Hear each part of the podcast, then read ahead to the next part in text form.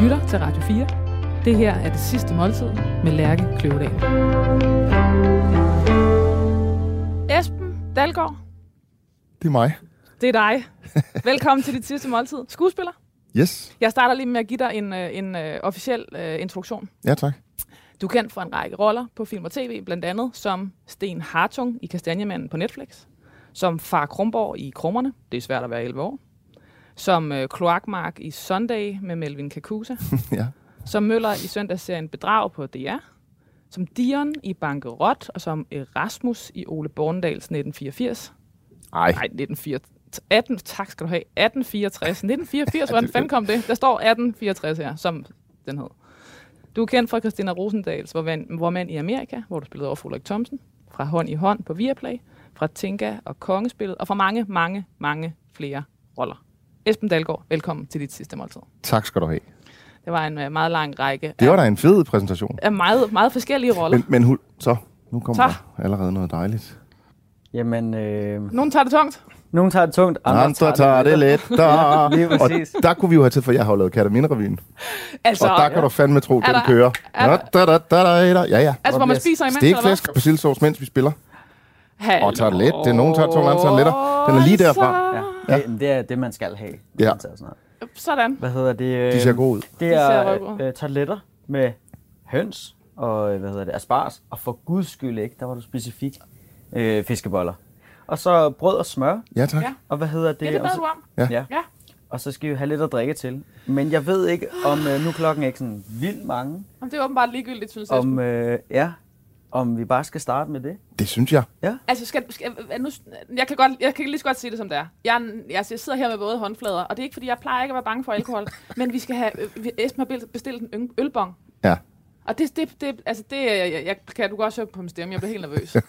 og jeg har ikke så gode minder med ølbong, kan jeg ærligt sige. Nej. Men det skal vi have gjort noget ved nu, kan Ja, det tænker jeg, fordi det er jo en, en lille, det er jo en slags aperitif, kan man sige. Ikke? Det må man Sådan. sige. Ja, absolut. Altså, men nu foreslår jeg lige, Ja. vi går med, jeg prøver at, at, Ja, ja, vi at, kan godt padle lidt. Skal vi lige have altså, en tartelet, om ikke andet, fordi det, det skal, ellers står den jo og bliver kold. Jo, jeg synes, det, kan er en god idé med en enkelt toilet. Det øh, giver også, øh, hvad hedder sådan noget, det giver lidt tørst. Det giver lidt tørst, Ja. ja. og lige en lille, hvis man nu heller ikke havde spist morgenmad, så lige en lille, Ja, for klokken er lige sådan ja, 20 klokken er over 10, 10 eller sådan noget. 10 Ja. Så det er øh, en tartelet, og så ølbong. Yes, det er i orden. Alright. Det gør vi. De Det ser er- gode ud. Det var godt. Velkommen. Tak. Hvorfor skal vi have tarteletter? Øh, jamen, jamen, det skal vi i virkeligheden for at, øh, at hylde mit, øh, mit eget ophav en lille smule. Øh, jeg er jo øh, kæmpe øh, altså jydetamp fra Vejle, øh, og har jo øh, i hele min opvækst øh, deltaget i utallige øh, øh, fa- familiearrangementer i, øh, i, i underlige forsamlingshuse, hvor den jo primært har stået på, på øh, øh, hvad hedder de, øh, tarteletter og så- altså suppesteg og is, ganske simpelthen, Ja. ikke? Så, så det her, det er et... Øh, Fra konfirmation til bryllup til 18 års fødselsdag til... Præcis, ja. til, til 75 års fødselsdag, og hvad vi ellers har. Altså, der har det her været en del af, af absolut øh, hovedmenuen. Og, øh, og, og så jo, så som jeg siger, for ligesom at, at hylde min egen fortid, men også for at stå ved, at, at jeg, jeg synes også, det er super lækkert. Jeg kan Ja. godt lide det, synes, det smager dejligt. Ja. Altså, jeg kan godt lide fine dining. På den her menu, jeg har sat sammen i dag, der, der er der jo ikke øh, på den måde så meget fine dining over det. Det smager sgu godt, ikke? Mm. Øhm, Nu sidder jeg kun og tænker på den ølbong, siger jeg bare. nej, nej, nej. Den bliver, bliver godt. Bare roligt, det bliver lækkert. Lad os gøre det. Ja. Nu skal jeg høre, hvorfor skal vi have ølbong? Okay. Jamen, det er der sådan set også nogle for- forskellige grunde til, men, men også derfor, vi tager den så tidligt. Ja. Jeg synes altid, at nu kender vi jo ikke hinanden. Nej. Så vi er på en, en, en date her, på et middags, øh, middagsaftale her, med et menneske, man ikke 100% kender. Ja. Så gør en lille aperitif altså ikke noget. Det, der skal mere til.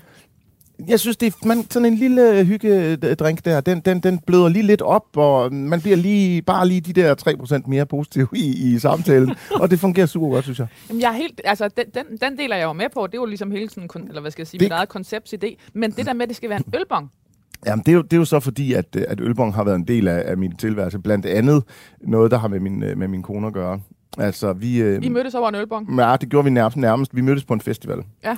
øh, hvor der også var ølbong. Og så da vi så skulle giftes, og så ville min, øh, min kone gerne, at vi simpelthen holdt en festival. Fordi vi mødtes på en festival, så hun ville gerne have, at vi så holdt brylluppet som en festival. Så vi holdt i virkeligheden sådan en to-dages festival, da vi blev gift. Og det har så affødt, at vi så simpelthen har holdt festivals en gang om året. Nu har vi så haft en pause på grund af corona, men vender så tilbage i år, hvor den så har undertemaet Beats Cancer, og det hedder Amager Festival, men nu tager vi allerede fat på en masse emner. Ja. Men til den første festival, som var vores bryllupsfestival, der var der ølbong øh, i for fuld øh, skrue. Altså, hvor den simpelthen, altså, hvor alle gæster gik op og drak øl på. Fuldstændig, ja. Nu gør vi det. Nu gør vi det. Vi snakker os udenom. Yes. Men, men det, det eneste, jeg vil sige nu, ikke? Ja. jeg vil godt tage den første. Okay. Fordi, så, hvis, hvis, fordi hvis jeg nu får helt, helt sådan op, ligesom så, skal- ja, præcis. men fordi den er meget tynd, den her slange, Okay. og så skal du jo, øh, så skal du simpelthen bare, øh, du skal bestemme dig for, at du holder fast. Ja. Du skal bestemme dig for, at du holder fast med munden. Ja, okay, som man siger. Yes. Og, og, og, og uden igen også at få, få det til at lyde mærkeligt. Så, så du synker simpelthen jo. Altså, Og det er jo også, altså... det er det. Ja, Nu er de der så lavet med sådan nogle fine, hvad hedder de der, sådan nogle... Øh, Det er sådan en traphane. øh, ja, ja, altså det er jo simpelthen uh, Kasper Isgaard. Uh, det er, altså, hvad kan man sige?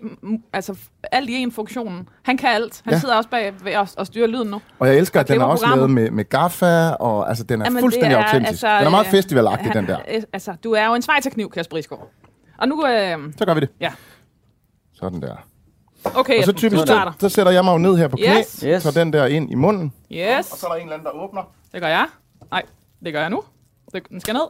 Yes. Op, op, op, op. Op, op, op. Yes.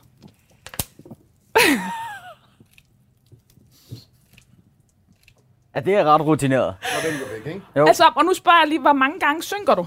Jamen nu, den her sang tror jeg, jeg sang tre gange, ikke? Eller sådan noget. Okay, Nå. Men, men altså i virkeligheden, du skal helst bare få den ned på en enkelt eller to. sådan. Vi prøver. Cancer smitter ikke. Cancer smitter ikke. Jeg er nødt til at lige at tage resten her, ellers bliver det ikke en hel. Det går ikke. Tak for Nej. det, min gode ven Jonas. Så skal den selvfølgelig lukkes. Ja, den skal lige Nå ja. lykkes. Det gik da meget godt. Det gik da skide godt. Det gik okay. Hvordan har du, er du, øh, føler du dig allerede... Øh, Jeg synes, det var vidunderligt. Nå, det er simpelthen så her. Det er så skønt. Sådan Okay. der. Sådan. Og du åbner. Skal jeg åbne? Mm. Klar?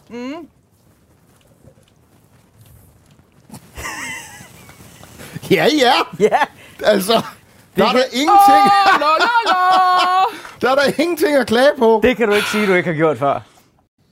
Jeg synes, man øh, allerede nu kan mærke, at man godt kunne stå, lave en stor, en stor, en stor bøvs. Jo, jo, det kan man, og det tror jeg da også, man skal. Ej, jeg synes, du Esben. gjorde det godt. Tak øh, af hjertet for at bringe en... en, en øh, altså, jeg vil sige, det er efterhånden svært at, drikke noget, at bringe noget nyt ind, alkoholmæssigt, til det her program. Ja. Men, øh, men det gjorde du. Nå, det er godt. Ja. Og det er også noget med, når så den der ølbong, den skal jo så helst ligesom hæves op, og nu var den her lidt vinklet, lidt ja. Fæsent i forhold til, hvor du sad henne. Ja. Fordi jo mere tryk du får på, jo, jo mere, hvad kan man sige, bliver den jo presset ned i, i svælget og ned i, i maven, ikke? Det er jo ligesom Jeg det. elsker ekspertisen. Og jeg elsker tanken om, at det er sådan, du mødte din kone. Ja, det gjorde vi. det gjorde vi simpelthen. øh, og det har så også stået ved, øh, at, øh, at der er en ølbong derhjemme. Altså, vi tager den sgu ikke i privaten selv, det gør vi ikke, men... men Men det var lige- fedt, hvor an, hvor, når andre, de, øh, hvad skal jeg sige, tager en tur til Paris, så så- sætter jeg på knæ og tager en ølbong. ja. Nej, det gør vi faktisk ikke. Men, men, øh, men vi har den derhjemme, og den bliver brugt til festlige lejligheder. Ja. Absolut. Den, øh, så den er et ægte, en ægte del af jeres Ja. øh, samliv, kan Ja. man sige. Okay, Esben. Jeg har skrevet øh, tre overskrifter til dig. Mm. Øh, jeg har faktisk skrevet fire, Okay. Som jeg gerne vil have, at du øh, forholder dig til, og i sidste ende hjælper mig med at vælge. Og Ja. hvis der ikke er nogen af dem, der på den måde er fyldesgørende, så kan vi måske finde på en. Ja, ja, ja. Yes. Den første, den øh, lyder sådan her. Skuespiller Esben Dalgaard gik ind i folk med træsko på. Det er, det er en udtalelse, som, øh, som jeg har fundet hele to steder, der er sagt om dig. Nå. Øh, Jeg har aldrig selv hørt. Nej, nu hører du der. Den næste hedder, han var skuespiller med hjernen og med maven. Esben Dalgaard er død. Undskyld. Ja. det er på en eller anden måde det er mega sjovt. Og så alligevel også mega... Ja. Nå, Hvad, nej, sig, hvad tænker du? jamen det er fordi, vi, vi er jo generelt set berøringsangst omkring tematikken døden. Ja. Og vi er generelt set også utroligt dårlige til at sætte ord på det. Ja. Og når du så siger det her ord i den her sætning, der simpelthen bare er, er død, Ja. så rammer det øh, en eller anden lidt absurditetshumor inde i mig, hvor jeg synes, at, at det, altså det, det er bare skægt. Jeg kommer automatisk spontant til at grine af det. Egentlig ikke, fordi at jeg er så berøringsangst for det, eller sådan, du ved, man kan også komme til at grine af noget, man sådan vil holde, holde væk Ja, fra en. ja. Det tror jeg egentlig ikke er det, det handler om. Det handler bare om, at jeg synes, jeg synes tit, at det, som er tabuiseret, er, er sjovt. Og her der er der lidt tabu over at sige en sætning, at en anden person var sådan og sådan og var død. Og når det så køber mig selv, så bliver det sådan lidt, ja. lidt, lidt, så bliver det komisk, synes jeg. Og øh, også lad os call den med det samme. Du, er, øh, du har en terminal øh, cancer. Nej, Okay. det har jeg ikke. Altså, fordi terminal er, er jo som, eller nu ved jeg ikke, hvordan man definerer ordene, men terminal, det er jo sådan noget med, at du så ligger på hospice-agtigt. Glimrende. Godt. Øh, og det har jeg ikke. Vigtigt. Jeg har en, en, en det, der, det, der hedder en, en cancer stadie 4. Men allerede der er, er, er, er, hvad skal jeg sige, selvfølgelig bliver det her på alle måder en, en metasamtale. Men, men ordet terminal går, er jo faktisk gået igen flere steder, når jeg læser om dig. Du, Nå. har, du har cancer, Ja, jeg har kræft. men, men du har kræft. Mm. Men, øh, men allerede der er der jo så en fejl i sproget. ja, det er altså der. en, øh, en forenkling, eller en forsimpling, eller en misforståelse. Øh, Men der er også, fordi det, det, det, det hedder, det er, at det er en uhelbredelig, uhelbredelig kræft. og det er ikke det samme som terminal. Det er ikke det samme som terminal. Og min egen kone, min egen hustru, er prøver på hele tiden at, at tage en debat om, med folk omkring, hvorfor man ikke kalder det kronisk. Ja. Fordi uhelbredeligt har en dødshistorie i sig på en eller anden måde. Ja, Hvor men jo kronisk, vi ja. lever jo alle sammen med, eller ikke alle sammen, men mange mennesker lever med noget, en kronisk sygdom, men som du godt kan leve med. Ja. Og det er jo for guds skyld, og for forhåbentlig også det, som kommer til at blive min situation, at vi med den gode behandling, der er, kan holde mig i live i rigtig, rigtig mange år, hvor jeg lever med en sygdom, som jeg har uhelbredeligt, eller kronisk, eller hvad vi nu kan finde på at bruge af ord, øhm, men, men ikke terminalt. Men kro- kronisk er, jo et temmelig begavet ord i den sammenhæng, fordi det, øhm, det nuancerer det jo meget mere. Fordi som du siger, uhelbredeligt, så er det jo... Øhm, så er det jo lige før næste spørgsmål er, Nå, men hvornår skal det så være? Ja, præcis. Eller du ved, Præcis. altså som... Øhm, Og, og det var da det første, jeg spurgte om. Ja. Altså, da jeg ligesom røg ind øh, på, på hospitalet og fik den her diagnose, der var det da øh, det første, jeg blev nødt til at få at vide, det er, hvad, hvad, hvilken horisont taler vi ind i? Og, og der var de meget ærlige og firkantede omkring, jamen hvis du ikke får behandling nu, med den spredningsgrad, den måde, det sidder i din krop, så er det et års tid, vi, vi vil vurdere, at, at du vil overleve, ikke? Så siger man jo selvfølgelig ja tak til behandlingen. Behandlingen, hvis den virker, så står du lige pludselig et helt andet sted. Der er så selvfølgelig bare også nogle procenter på, hvorvidt den behandling virker eller ikke virker. Jeg tror nok, de hed 60-40. Og så kan man sige, det er jo ikke de allermest vidunderlige Det er ikke odds. den samtale, øh, nogen har lyst til at- Nej, fordi hvis du går på casino og skal smide øh, 100.000 på rød eller sort, eller hvad man spiller på, så, så er det sådan, hvis der kun er 50-50, ikke? og 60-40, det er tæt på. Men, men, men jeg er jo i den heldige, heldige, heldige situation, at, at, at det virker, min behandling virker. Så er det så bare fordi, at immunterapien er så forholdsvis ny, at du kun har statistisk materiale, det lyder meget kedeligt, men, men som, som ligger sådan noget cirka 10 år tilbage. 8-10 år tilbage. Og det vil så sige, derfor kan man sige, sådan en som mig, du har nogle, nogle tilfælde, hvor man har overlevet i 10 år. Men du kan ikke rigtig sige, at man har overlevet i 20 år, fordi der findes ikke det materiale på det. så du er en del af, af statistikken, kan man sige. Altså fordi, at, at øh, den, den terapi er så ny, så, så, er så så du, er, ny, ja. du er en levende del af, stat, eller, ja, af den statistik. Ja. Hvad hedder din type kræft? Jeg fik i 2012 fjernet et modermærke, som sad hernede i lysken, og fik konstateret, at der var kræft i det modermærke. Så jeg har modermærkekræft. Og det er sådan en lillebror sygdom. Folk tænker, at brystkræft, øh, øh, testikelkræft øh, er en af de, af de store, for eksempel, ikke prostatakræft og sådan nogle ting, med, hvor modermærkekræft det er sådan lidt en lillebror ting. Og jeg var også selv rimelig kynisk omkring det, og, og det blev fjernet i 2012, og jeg gik til tjek de her fem år, og alt var væk, og jeg har altid ikke tænkt en skid over det siden. Ærligt? Ja, det har jeg ikke. Det, det, det, jeg er meget hurtig til at sige, fint, done, væk med det. Og så har jeg glemt alt om det. Indtil så i sommer, at der pludselig dukker nogle hævede lymfer op. Og det er så den samme modermærkekraft, som så simpelthen bare har spredt sig i mit blod. Så den var jo ikke væk dengang. Men det har ligget i så lille en, ja, hvad hedder sådan noget, indkapsling. Øh, en så lille bitte ting, som man ikke har kunnet måle, og derfor er det ikke nogen, der har tjusket med, med, med lægevidenskab, men noget som. Det har bare ligget i så lille en dose, at du ikke har kunnet måle det. Og så pludselig blusser det så op. Så tager det en rutsjebanetur gennem blodet, og så det noget møg. Fordi når det først er i blodet og kan sætte sig i alle dine øh, vitale organer osv., osv., kan egentlig bare sådan være på, på hyttetur og sige, nu øh, mm, her ser hyggeligt ud, lad os slå os ned her øh, i, i leveren, eller i hjernen, eller i et eller andet andet sted, så, så er det noget møg, ikke? Og det er det, som man siger, tror jeg, at grunden til, at det er uhelbredeligt, det er, når det først er i dit blod, så kan det sådan set finde på Og tage på hyttetur Ja. alle tænkelige steder. præcis. Og hvordan, øh, hvad har du af symptomer? Ja, det er jo så det skræmmende. Altså, jeg har masser af bivirkninger på behandlingen, men jeg har grundlæggende ikke nogen symptomer, udover måske en lille smule træthed på selve sygdommen. Ja. Og derfor så er det jo også, øh, og, det, og det er jo så sådan et budskab, jeg altid gerne vil sige til folk, det er vigtigt, at man selvfølgelig tjekker sine mærker. Det er jo vores eget slukker, at det er tjekket og blive tjekket. Men det er den ene ting, fordi tid betyder noget. Mm.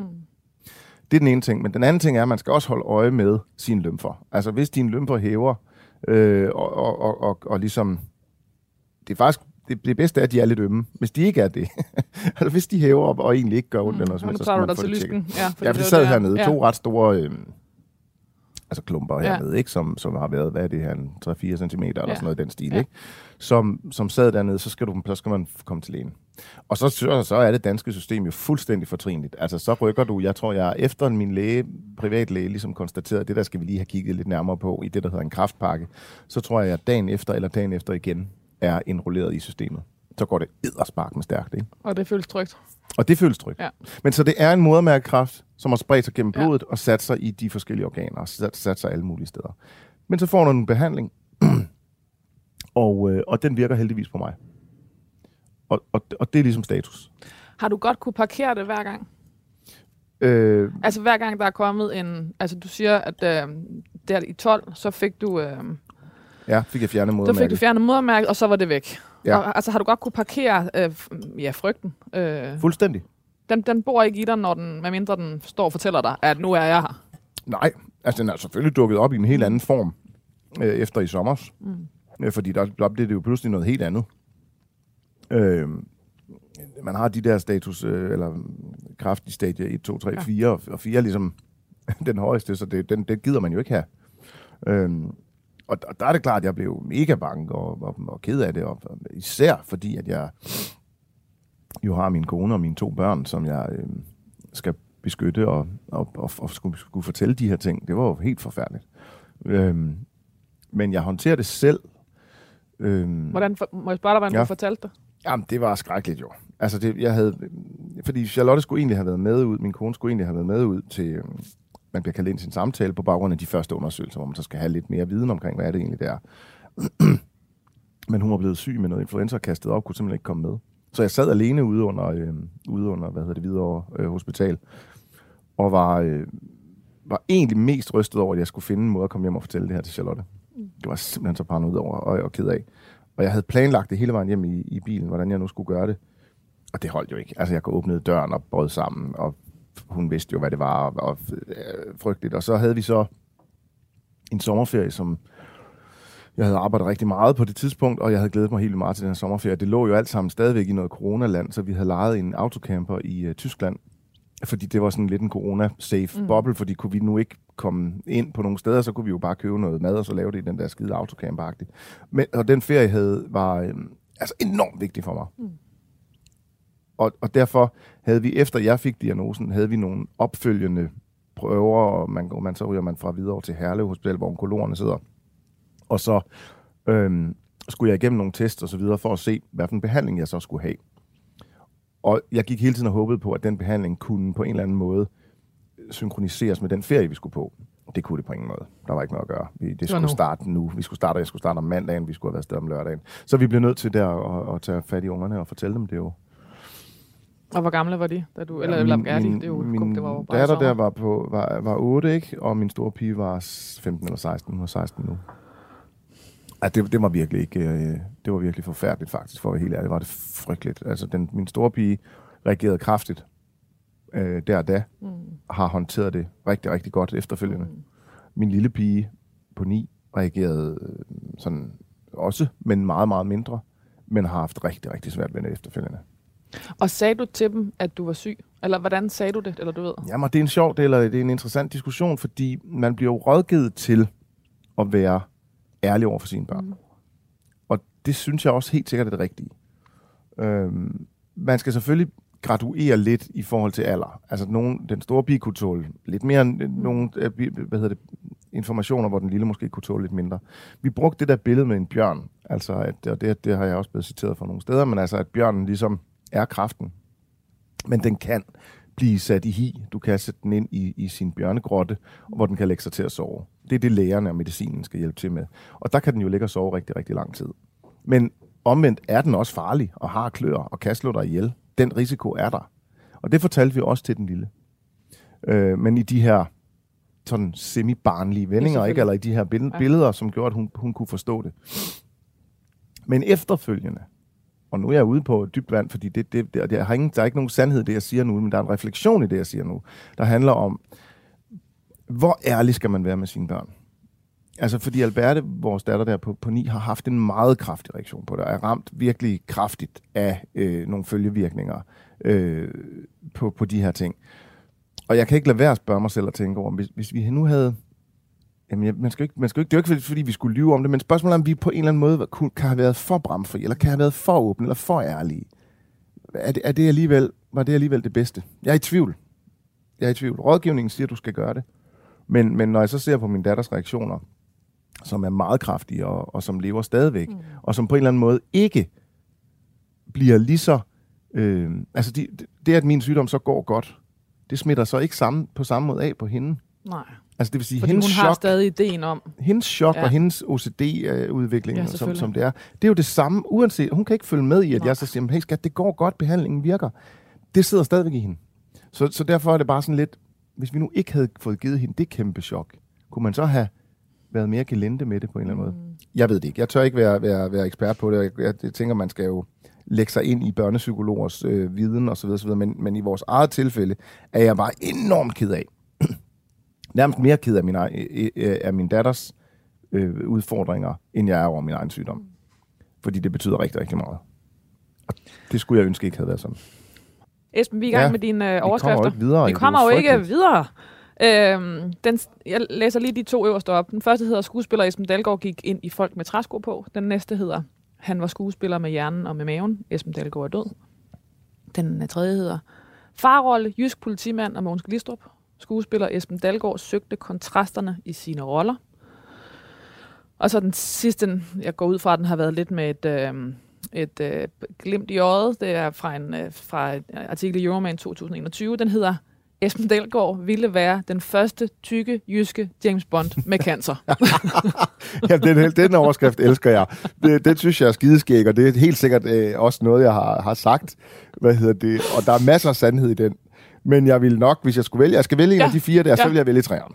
Den, der hedder Farrolle, jysk politimand og Mogens Glistrup. Skuespiller Esben Dalgaard søgte kontrasterne i sine roller. Ja, og, og det er fordi, så nu tager jeg den seriøse hat på. Ja. Fordi jeg synes, den anden med, med den tykke Måns Glistrup, med, nej, jeg skulle det tykke James Bond med cancer, det er jo fordi, at jeg har super meget respekt for, for, øh, for, det, for den her perlerække af, af dygtige skuespillere, vi har herhjemme, som har slået sig igennem øh, internationalt. Ikke? Og, og for sådan en drengerøv som mig, så er James Bond jo kæmpestort. Ikke? Og nu har vi altså rent faktisk en, en håndfuld eller sådan noget i den stil, som har været med i James Bond. Ikke? Og så, så har jeg lavet den der joke med, at øh, så må de der kunne bruge en tyk hvide med cancer. øh, og, og der er en sandhed i det, for jeg vil skide gerne lave sådan noget der. Det kunne være sjovt. Men den, den tredje der øh, rummer øh, den sådan seriøse tilgang til, hvordan jeg gerne vil være kunstner. Jeg starter sådan her, Esben. Den, øh, vi starter lige på, kan man sige. Esben Dalgaard Andersen blev født i øh, 1976 og voksede op i Vejle, hvor begge forældre arbejdede i Dansk Flygtningehjælp. Og han fik ind med modermælken, at det galt om at påvirke verden i en retning, hvor de svage får det bedre. Da Esben Dalgaard blev færdig med gymnasiet i Vejle, rejste han til Spanien i sit sabbatår og meldte sig til et kursus på et af de store hotelkæder, Solmelia. Og efter en måned kunne han kalde sig entertainer, ja. eller animador, Ja, tak. Ja, som det hed. Ja, præcis. Tak. Han blev sendt til Fuerteventura, hvor han skulle stå for familieunderholdningen på den lokale filial sammen med tre andre animadors. Om dagen underholdt han, underholdt han tyske børn eller tog de voksne med på gruppeture med aktiviteter som bue- og rifleskydning. Om aftenen optrådte han med alt fra at trække bingotal på 4-5 forskellige sprog til at synge popsange, enten playback eller live. Velkommen til Showbiz. Yes. Det var starten, det der. Det er jo starten. Altså, det er det jo simpelthen. Og jeg sidder næsten og rødmer lidt over det, fordi det er sådan, det er jo virkelig help, altså det er jo virkelig bunderøvsagtigt, ikke? Det er jo, øh, øh, øh, hvad hedder sådan, altså det er jo øh, charterturismen, ikke? Og, og entertainment, altså øh, netop med shuffleboard og bueskydning, altså og, og miniklub og bingo om aftenen på hotellet, ikke? Altså, men men det, det tændte en eller anden øh, ild i mig i forhold til at performe. Mm. Øh, og i forhold til at, at stå med mikrofonen og, og, og ja, performe foran publikum. Har du slet ikke gjort det før? Nej. Vi er, på en, vi er klar til næste ret. Ja, så småt. Ja. Så småt. Vi skal jo have lidt af hvert. Altså, Esben, du har, du har lavet sådan en rigtig, øh, altså, øh, hvad hedder sådan en, sådan en slået med armene menu. Okay. Du har lavet sådan en, fuck it. Ja. Er det rigtigt, synes Ja, du det synes jeg. Nå, okay. Jamen lad mig høre, hvad du mener med det. Jamen altså, den er bare stor begejstret. Jo, jo, præcis. Men der er jo også, øh, der er, der, den er jo vegetarisk. Det er den nemlig. Det er den nemlig. Og, og der er der jo... Tænkt, Altså, udover øh, hønsen i toiletten. Jo, jo, men nu tænker jeg hovedretten. Nå, hovedretten, her. Ja, okay. præcis. Nå, men fordi, og det var jo... Øh, det, fordi når du siger slå ud med armene, så er det jo... Jeg kunne også have slået ud med armene ved at købe, så skulle vi have noget kobekød eller et eller andet Ja. ja. tilfældigt vanvittigt øh, miljømæssigt belastende. Så, så det, det er da derfor, jeg har tænkt over, at vi skal have en, øh, en vegetarisk ret. Jamen, må jeg, fordi du tænkte, at der skal også... Øh, der, Jamen fordi Der, blandt andet via min datter øh, på 16 nu, øh, er vi jo blevet enormt bevidstgjort omkring øh, hele den her kød øh, diskussion som har kørt nogle år nu, det ved Ja. jeg godt, men, men det kan da godt være, at vi ikke er de hurtigste øh, knaller der på, på havnen. Men vi tænker rigtig, rigtig meget over vores kødindtag. okay. Og vi spiser chick-free, og vi spiser kødalternativer, og jeg tror, vi har skåret vores kødbudget øh, ned med... Jamen altså, det er over 50 procent Okay. det er vel også nærmest 75 eller sådan Simpelthen i, be, i bevidsthedsgørelsens navn. noget. Vi, vi, vi handler om at prøve at sige, øh, hvad, hvad kan vi gavne miljøet for? Og så er der garanteret nogen, der så vil sige, nu skænker du en dejlig glas rødvin, og så er det sandsynligvis pisse miljøbelastende. Det ved jeg ikke. Men der må jeg bare sige, der, der, der bliver jeg nødt til også at være et menneske, som, som på en eller anden måde prøver at gøre det, så godt jeg kan. Mm. Øh, men jeg kan heller ikke gå og straffe mig selv for også at have en iPhone. Jeg har også en iPhone. Altså, det må man ikke have. Ingen Nå. kan gøre alt, Ja. alle kan gøre lidt. Ja. Nå, okay, det Ja. ser vildt ud det her, Jonas. Hvad skal og vi have? som du siger, vegetarisk, og det kan altså helt vildt mange ting. Ja. Det er bare lidt en ny verden, tror jeg, for, for rigtig mange mennesker. Øh, og heldigvis, så, så bliver det lidt mere internationalt i, i Danmark, så man, man får en lidt øh, bredere horisont mm. Mm. til, til, hvad der findes. Eksempelvis, nu skal vi have en indisk vegetarisk ret, og, og dem har de jo 6.000 af, Ja. tror jeg. Så hvad for en valgte du? Ja. øh, jeg valgte en, der hedder det er Punjabi, altså fra Punjabi. Ja. Øh, kål. Mm-hmm. Så det er øh, kikærter med øh, tomat og en masse krydderier. Mm. Så det er kardemomme, og det er spidskom, og det er også lidt sort kardemomme, nelliker og sådan en masse forskellige ting og sager. Øh, jeg har givet en lille smule kartofler. Det er Ja. bare noget, jeg har gjort. Ja. Øh, for at give det lidt mere sådan substans, og så lidt koriander. Og så skrev du dips og narnbrød. Så Yes. narnbrød, det er Sådan. der selvfølgelig også. Jeps. Og, og brune ris også. Og hvad er dips? Jamen det kan også være rigtig, rigtig mange ting. Jeg tænker, Reita, dem må være selvskrevet. Ja, Øhm, så den er, den er herovre. yes. Og øh, så har jeg lavet sådan en Chutney. tomat, mango, chili chutney ting. Ej, det ser sindssygt lækkert ud.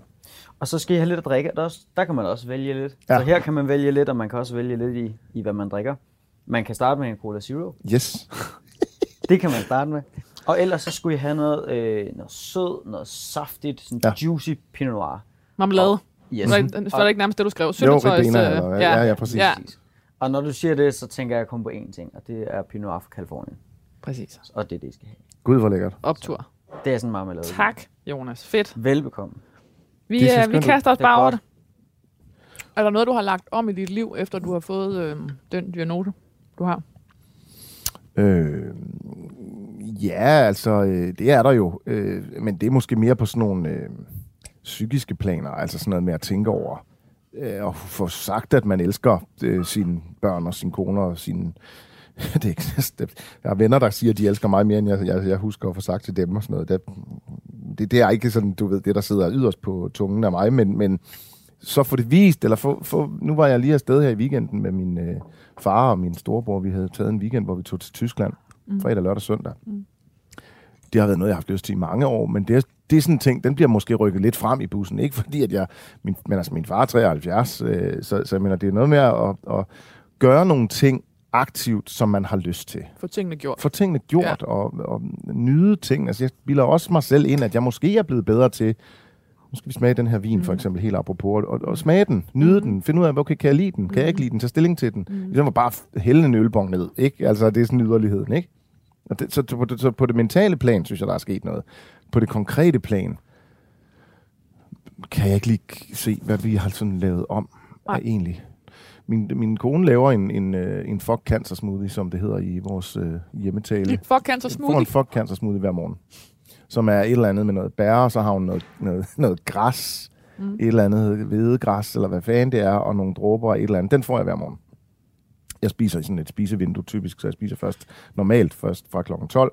Men jeg får så den her smoothie. Øh, Og det gør du bare din egen, egen øh, eller på, ja. nej, det, nej, det er kun Bare sådan noget. Det, Ja. det, det fungerer godt for mig, Ja. og, og, øhm, og jeg er blevet opdraget til det gennem, jeg lavede sådan et underholdningsprogram, apropos det, vi snakkede Mm. om tidligere, der hed 12 Weeks of Hell her for, det var lige op til sommeren sidste år.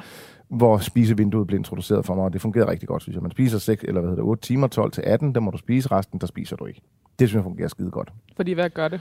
Nå, men det, det begrænser jo selvfølgelig et indtag. Det, Ja. det, det lokaliserer et indtag over de der 8 timer, og så stabiliserer det noget blodsukker og sådan noget. Og, og hvis du også, som jeg nu, skal til at lidt af med nogle kilo igen, så, øhm, så hjælper det lidt til. Fordi du har skulle gå op i vægt på grund af en rolle, eller? Helt ærligt, så lige nu, var, da, jeg, da jeg fik den der skide diagnose til sommer, der stod jeg super skarp. Jeg havde, var færdig med det der 12 Weeks of health program. Jeg øh, var slank og lean og flot, og så blev jeg syg, og så røg hele lortet på gulvet. Og det var faktisk ikke på grund af en rolle. Det var simpelthen fordi, at jeg har trøstespist, og jeg har øh, været ked af det, og jeg har også, du ved, haft den her, jamen, jamen altså sådan helt dumt, ikke? Jamen, Nå, hvis jeg alligevel skal dø, så må jeg vel også drikke et, en flaske rødvin. Altså, men, og det har taget overhånd. Så jeg har simpelthen taget en masse kilo på. Og det er pinligt. Men, det, men, øh, det, men, det, det er forståeligt. men ja, det er det nok. Men nu Ja. kan jeg også mærke, nu har jeg begyndt at få så meget energi igen nu også, ikke? Og, og chokket begynder at lægge sig, og hverdagen øh, øh, tigger for alvor ind. Så, så nu skal jeg også bare til at tabe mig nogle kilo igen. Er der også noget med, at den første lange periode, øh, du, du nævner det selv flere gange, og jeg kan også se det i de, den research, jeg har læst øh, om dig, at, det, øh, at mm. din diagnose et stykke hen ad vejen, eller i hvert fald i starten meget har handlet om, hvordan andre, altså din, dine nære, vil reagere. Det var dem, du Virkelig. skulle passe på, passe Ja. på, passe på, passe Ja. på. Så, så det der med egentlig at begynde at kigge på det selv, er, lyder det som om, at jeg er kommet i anden række. Det er det.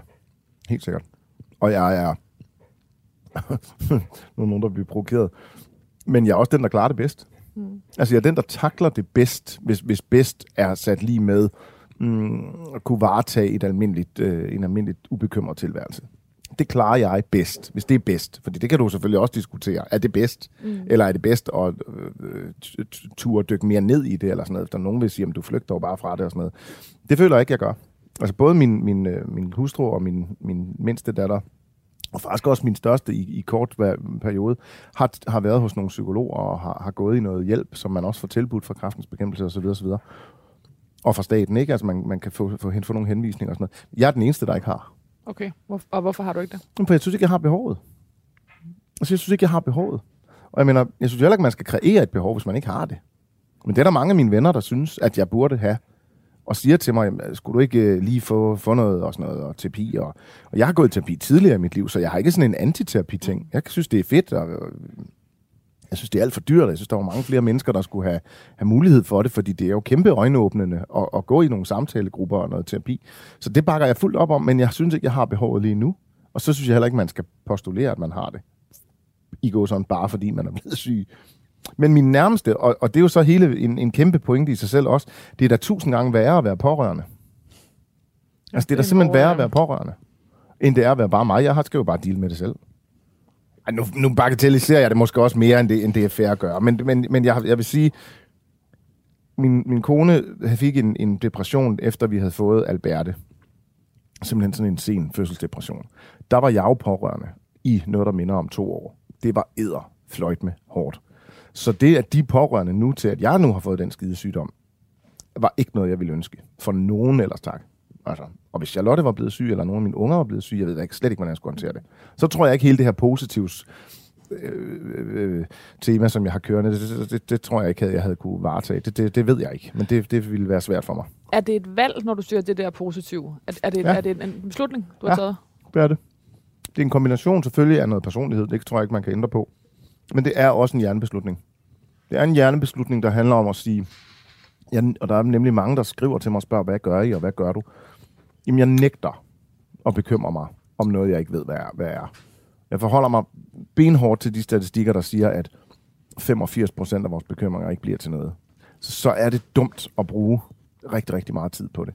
Det er en matematik, en logik i mit hoved, der siger, jamen, hvis det der, det er, altså det er sådan noget cost-benefit-analyse på, på psyken, på en eller anden måde, hvis du kan følge mig. Altså ja. det der, det giver ikke nogen mening, ergo bruger jeg heller ikke tid på det.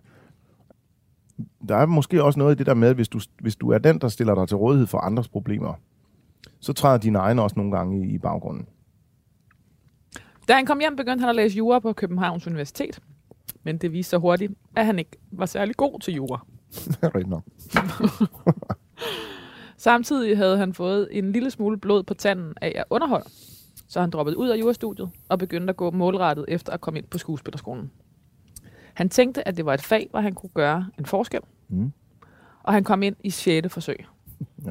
Det hedder man med ton, en, en tålmodig, øh, et tålmodig menneske. Ja. Eller et hissigt menneske. Ja.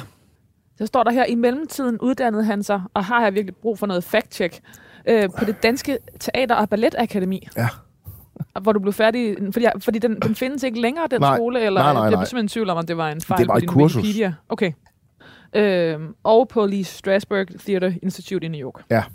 Det var fedt. Esben Dahlgaard modtog i 2010 en røgmert for sin rolle som Mogens Glistrup i Ned med skatten, op med humøret. Ah, ah. Ja, ja.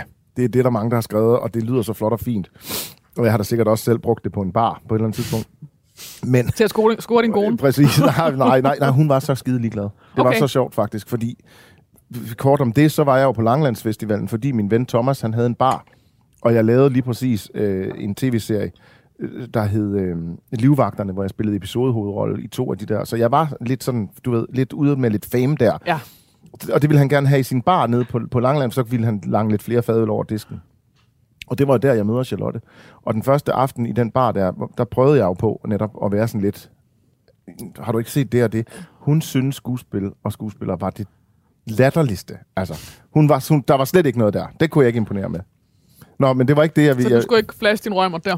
Nå, men det var Røgmerten. Ja, fordi det er det, er det, er det der hedder en talentrøgmert Okay. som var en gruppe unge mennesker, som man gerne ville give et, et øh, lidt ligesom du har nogle af de der talentpriser i Okay, dag, så- også sådan så et shooting svin. Okay. stars-agtigt og sådan noget. Så det var altså det. Var altså det. Okay. det var ikke en rigtig røgmert. Okay, så den skal ikke gå videre i din øh, nekrolog som... Øh, Nej, Ja, man må gerne, Så, så øh, stod talentrøgmert. okay.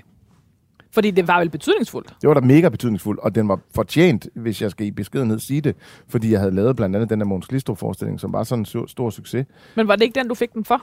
Øh, jo, jeg kan ikke huske, om formuleringen var specifik på den, eller det var blandt andet den og andet virke. Det ved jeg ikke, men, men det, var, det var i hvert fald den, der Okay. var sådan hovedtingen. Nu skal vi have lidt dessert. Nu skal vi have dessert. Det er så godt. Du slæber ind. Ja, Jamen, jeg præcis. slæber- det er rigtigt. Der har virkelig været mange, ting. Dem har øh, været mange mange i tallerkener i spil. Mm. Og det er faktisk også Jeg tror også, det er derfor, jeg... Ja, præcis. Jeg tror også, det var derfor, jeg havde den fornemmelse af, at det var sådan et, øh, det var sådan et, stort bord. Ja, lige præcis. Ja. Lige præcis. Et hyggeligt bord. Et hyggeligt Mm. bord. Præcis. Jamen, øh, det var jo rimelig specifikt. så, øh, så der var ikke så meget at rafle om. Vi skal have creme brulee. Helt standard. Yes. Classic, kan man sige. Så skal I have et, øh, et marcipanbrød som sidevogn. Uh, Det synes jeg faktisk var en glimrende idé. det synes jeg virkelig også er en god idé. Ja. I skal have god kaffe. Og så skal I have en portvin. Og Også første marcipanbrød. Første marcipanbrød. Men faktisk... Det er egentlig faktisk, mærkeligt, fordi er det... Bare lige skulle have et stykke chokolade. Men er det ikke en af de mest øh, spiste marcipanbrød, det tror jeg? Det må det Stadig være. herhjemme, ikke? Og det selvfølgelig Glistrups, øh, måske er det derfor, den kommer i, på banen nu. Ja, det er ja, det. Det er det Okay. helt sikkert. Øh, Tak, men, men det er også øh, helt privat. Jeg elsker en marcipanbrød. Er du sindssyg? Jeg kan Men er det som en, et lille næk til den øh, forestilling? Ja, det er det. Nå, okay. Ja, det er det. Fordi, øh, fordi der spiste jeg jo... Det var også de der små røde Jansson Bergs, ikke? Ja. Det her er, jeg tror jeg, er for sådan noget Frederiksberg-chokolade, eller hvis jeg kan Ja. Jonas ret. Ja. Men, men, øh, men, men Måns Glistrup var svært glad for marcipanbrød, og da vi lavede den forestilling, der tror jeg, jeg spiste... Altså, de små, skal det lige ja. siges, ikke? Øh, jeg spiste jeg en, måske otte af dem, eller sådan noget, i løbet af en forestilling. Så er det godt at kunne lide den, ikke? Jo. Øh, jeg kommer herfra, nu har jeg rettet til talentrøgmert i din øh, i nekrolog her. Esben Dahlgaard modtog i 2010 en talentrøgmert, og så har jeg altså skrevet for sin rolle som Mogens Det Glistrup. er så fint. Øh, kan jeg godt dø med. I Ned med skatten, op med humøret på Bornholms Teater og Svalgangen. Øh, jeg er gået fra, at det var et samarbejde mellem de to Jo, det teater. Øh, og var fra 2016 til 2019 en fast del af teatertruppen på det Kongelige Teater. Mm-hmm.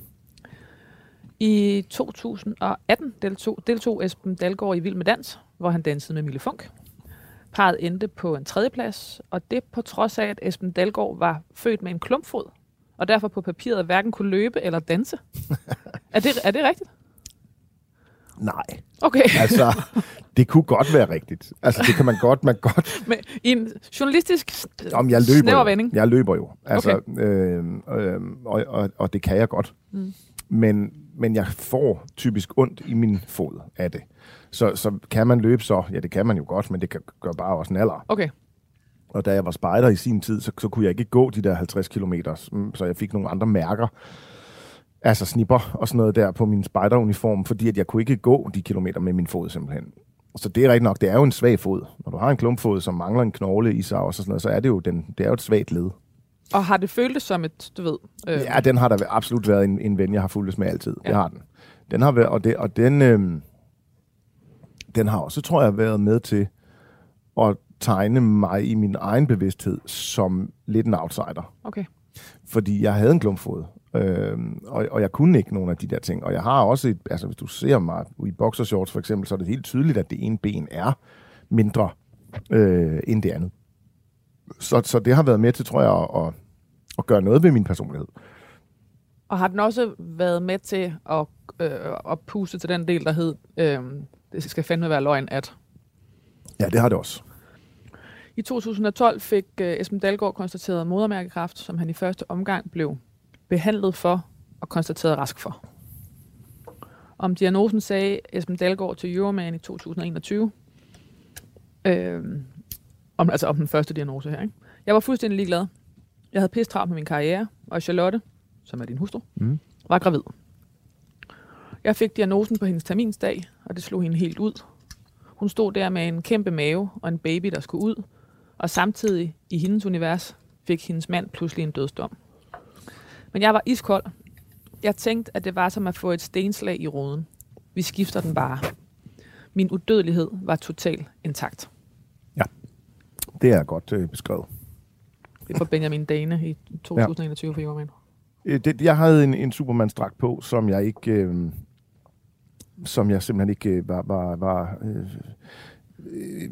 interesseret i at tage af, eller, eller i virkeligheden ikke følte, jeg kunne tage af. Fordi, fordi det var ikke en mulighed? Nej, det var det ikke. Altså igen, igen en eller anden øh, lidt kynisk matematik omkring, jamen altså, hvad er det, jeg skal, hvad er det, jeg skal tage med ud af det her? Altså, skal jeg tage en masse sorg og kederlighed og øh, ligge på sofaen og selv, øh, øh, hvad hedder sådan noget, selvmelidenhed med ud af det, eller skal jeg sige, jeg er i gang med noget, der er rigtig fedt her, og jeg kan heldigvis fortsætte, og så gør jeg det. Så var der så bivirkningen i den her situation, som var min, min familie, altså min kones, øh, Charlottes øh, øh, tristesse og kederlighed og bekymring, som, er, som jeg har øh, fuldstændig forstår, den skulle jeg jo så tage mig af. Og det måtte jeg så gøre, ikke?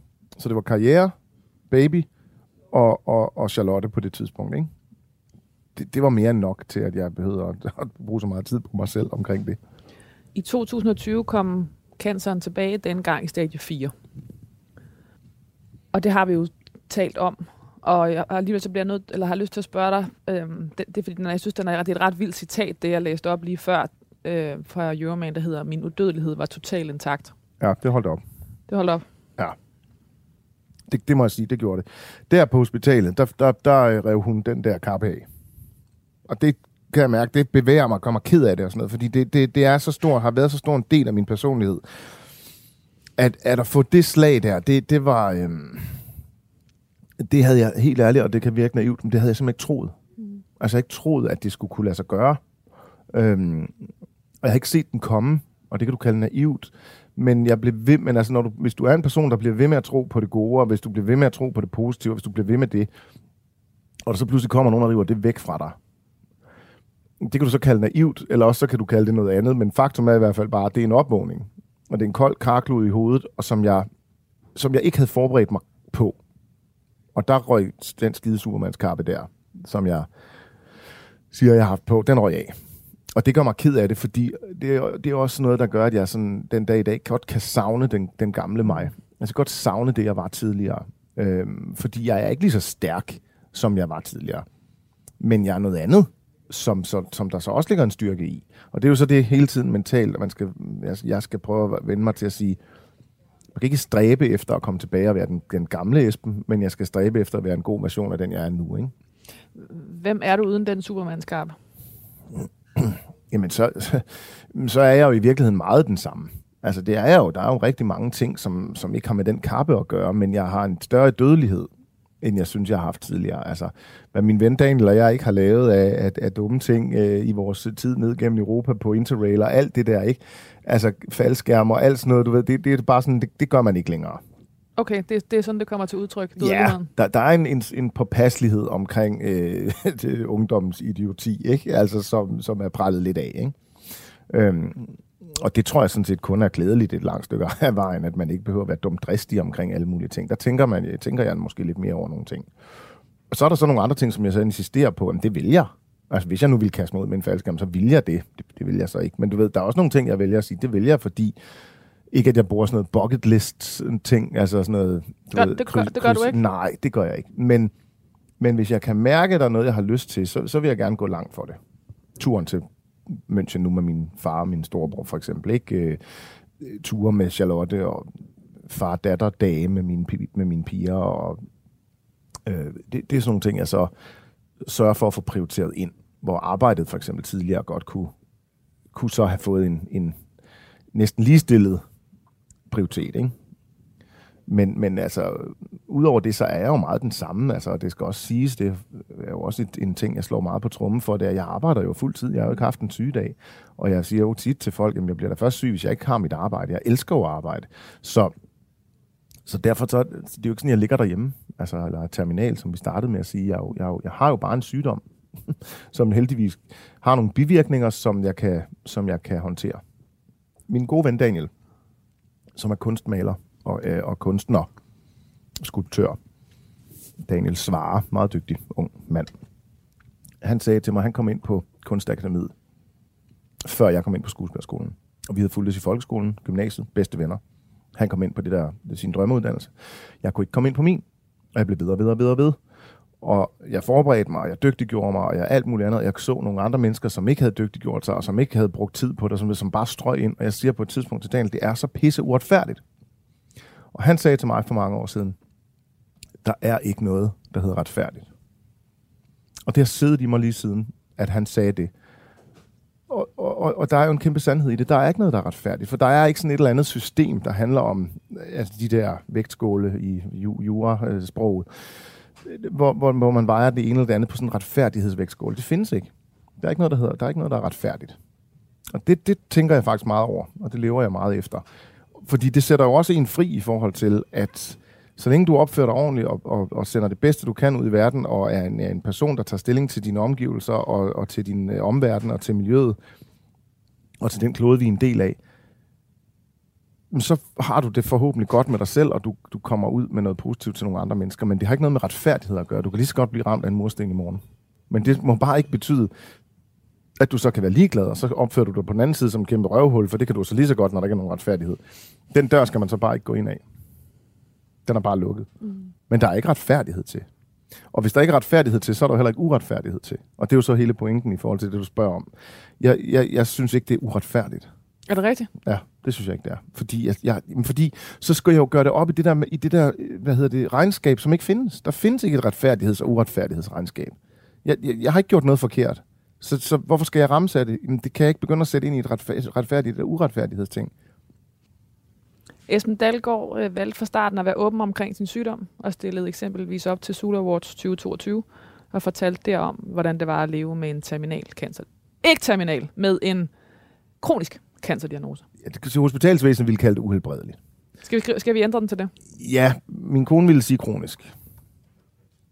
Jeg kan meget godt lide det der kroniske Jamen det kan hun også, og ja, for mig er det mindre vigtigt, men det kan okay. du også høre. Det er jo fordi, jeg er lidt i går så en...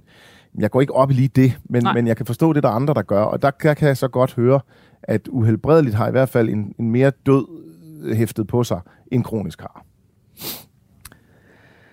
Esben Dalgaard efterlader sin øh, hustru, Charlotte Dalgaard Larsen, og sine to døtre. Ja, det kan man ikke lide. Den har aldrig den har aldrig klinget dårligere end i det, i det her program, end lige nu i hvert fald. Nej, det kan jeg ikke lide. Det, det, det skal jo stå der, men det kan jeg ikke lide. Øh, og, og, og altså, der har jeg, man jo, jeg har jo slet ikke haft de oplevelser med mine børn, som jeg forventer, jeg skal have. Det har jeg jo slet, slet ikke. Øh, og, og jo heller ikke med Charlotte. Altså alle ens drømme og visioner om at blive gamle sammen, og øh, øh, sælge huset, når ungerne er flyttet hjemmefra, og hvor vil man så have en lejlighed, vil man det der eller der. Alle de der tanker og visioner, det, det er jo det, der gør ondt, at man på en eller anden måde bliver udfordret på, ah, får man nu den oplevelse? Fordi det, hun sagde, var jo, du skal jo nok ikke kigge ind i en, i en alt for lang fremtid. Men, men det er jo også noget sludder, for hvem skal det, og hvorfor skal jeg ikke det? Fordi det kan jo være, at helbredelsen er der i morgen, eller, altså du ved, men især det med ungerne, altså det, det, der, der, der har man haft for lidt, når den mindste er 9 og den ældste er 16, ikke? Og, øh, og derfor er det ved Gud heller ikke min plan at, øh, at smutte herfra før om mange, mange, mange år. Og, Wow, du knækkede et glas. er, det et, er det et, hvad hedder det, tegn? Og prøv at se, hvis jeg nu ikke bløder, Præcis. Du knækkede stilken af et glas. og der er ingen blod. Det her, det er altså, øh, det her, det er, nu, nu er vi ny, nu bliver det her program nyreligiøst. det anede vi ikke, at det var der, vi skulle hen. det er sgu da virkelig underligt. Hvad, gjorde, hvad skete der? Nå, det var en hilsen deroppe fra. Ja, Jeg er jo meget lidt religiøs. Jeg er Måske meget, blev meget du lidt berørt. religiøs. Hvad? måske blev du berørt. Jeg ved det ikke. Det kan være. ja, det kan være. Er der, du bløder ikke? Nej, overhovedet Nå, ikke. er. Jeg har bare lidt små Lidt. Ja, måske var det.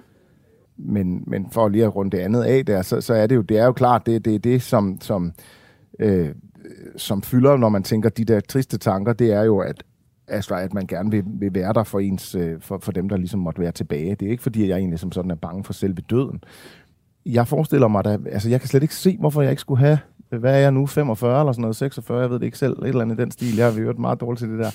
Men jeg kan da ikke se, hvorfor jeg ikke skulle have en 25-30 gode år endnu. Det står der, der er ingen steder, jeg ikke skal kunne. Altså medicinen virker, og forskningen buller der ud af. Mm. Og jeg har det i øvrigt. Altså, godt. Godt nok. Nej, jeg har det sgu Mm. mm. godt. Altså, øhm, der er nogle bivirkninger, men dem, øh, dem, øh, dem kan jeg sagtens overleve. Hvis det bare er dem, så er det fint. Hvad vil du, øh, hvad vil du nå? Det ville jeg faktisk have spurgt dig om lige meget, om du havde en, øh, En knækket stilk. en knækkestilk og en øh, træls diagnose. Mm, altså, det kunne godt tænke mig, at- på et tidspunkt kunne jeg godt tænke mig at bo et andet sted. Altså, det kunne være fedt at, bo på Maldiverne, eller på bo i New York i en periode igen, eller sådan noget.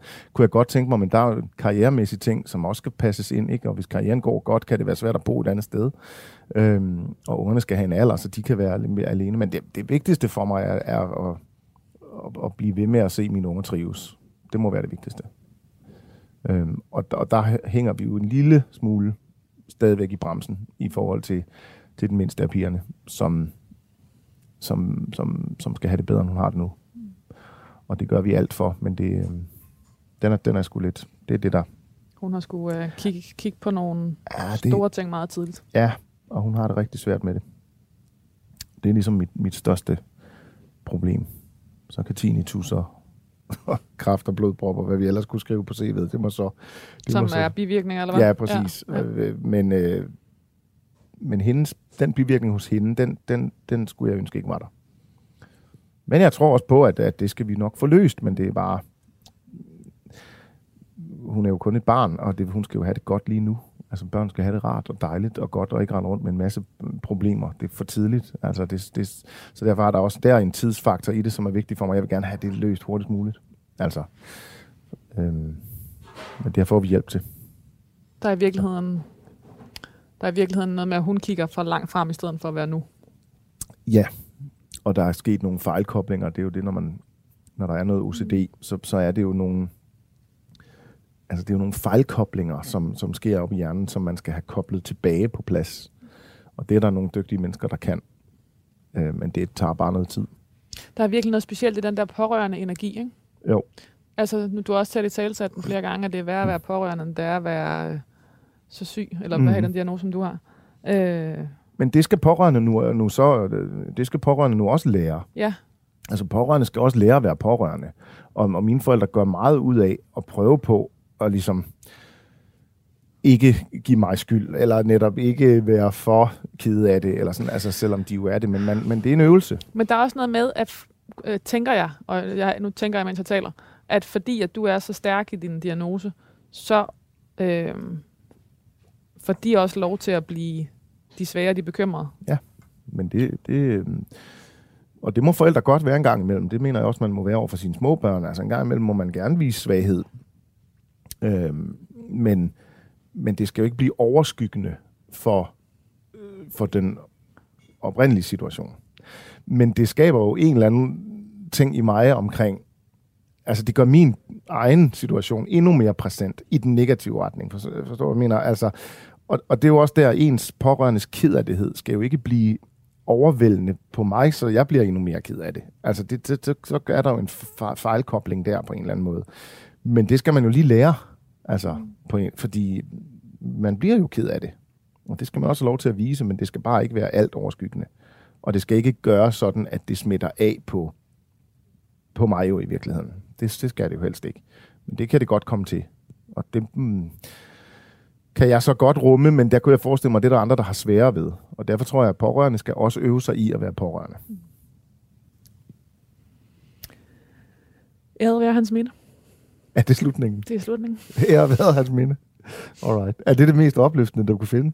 Det, det er simpelthen program slutteren. Ære været hans minde? Ære, eller hendes minde, men nu var det jo... Ja, hens ære været hendes minde. Hendes minde. Høns minde. Esben Dahlgaard, hvad skal der stå på din gravsten? Øh, fuha. jeg har lyst til at sige skål, men det skal der ikke. Jeg skal ikke stå, jeg skal ikke stå skål. Det lyder som om jeg er sådan blevet nærmest alkoholiseret her. Øh, øh, der skal stå, øh, der skal, hvad skal der stå på, på, på, på min gravsten? Der skal stå øh, keep smiling. Det skal der bare stå. Det er corny, men det skal der stå. Fordi sådan skal det være. Ja. Og det er sådan indiskutabelt. Det skal, og der skal være et udråbstegn bagefter. Det er nærmest en ordre. Mm. Det må være det. Esben Dalgaard, tak fordi du var min gæst til det sidste måltid. Ja, tak. Det var et godt sidste måltid. Med øh, ølbanger og knuste glas. ja. det er sjovt. Nej, det var et rigtig godt måltid. Øh, du til kokken også. Skål. Du har lyttet til det sidste måltid på Radio 4. Nekrologen er skrevet på baggrund af en række artikler, blandt andet for Euroman 2021 af Benjamin Dane, fra magasinet Krop og Fysik i 2018, fra Berlinske 2021 og fra Politiken 2015. Husk, at du kan downloade Radio 4's app, og der kan du finde alle de sidste måltids programmer. Tak, fordi du lyttede med.